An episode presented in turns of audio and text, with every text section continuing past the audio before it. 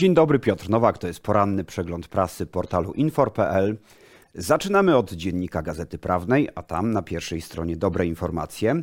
Polskie KPO nabiera tempa. 5 milionów euro zaliczek z Krajowego Planu Odbudowy trafi do Polski jeszcze do końca tego roku.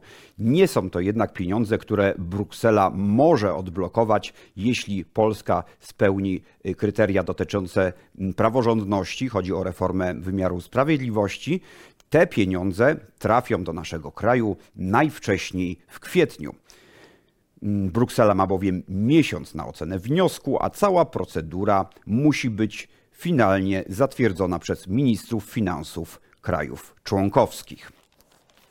Również dziennik Gazeta Prawna informuje o mm, zatrzymaniu spadku inflacji. Listopad okazał się pierwszym od lutego miesiącem, w którym roczna inflacja się nie obniżyła.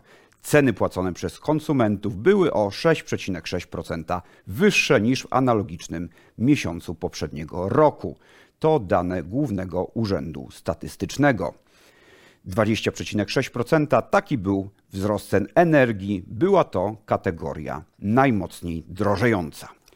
Również o inflacji w dzisiejszej Rzeczpospolitej. Tam Piotr Bielski, dyrektor Departamentu Analiz Ekonomicznych w Santander Banku Polska, mówi, mijający rok pokazał, że ocenianie kondycji gospodarki przez pryzmat zmian PKB w ujęciu rok do roku może być zwodnicze.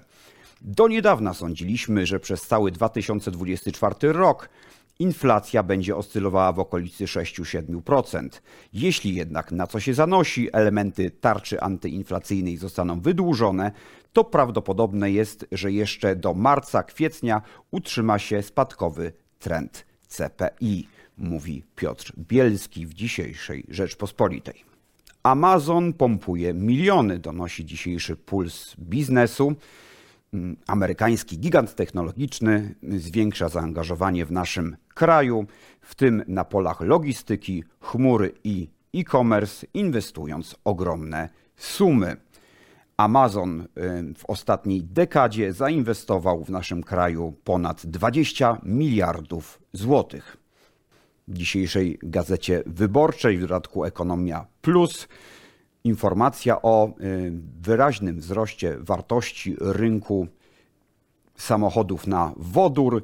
Przyszłość motoryzacji to zielone paliwo, informuje dzisiejsza wyborcza.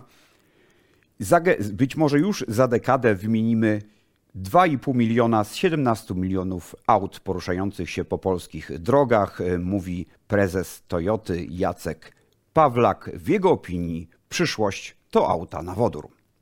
W dzisiejszym przeglądzie prasy to już wszystko, a ja jeszcze Państwa zachęcam do śledzenia informacji biznesowych i gospodarczych na portalu infor.pl. Dziękuję serdecznie i do zobaczenia.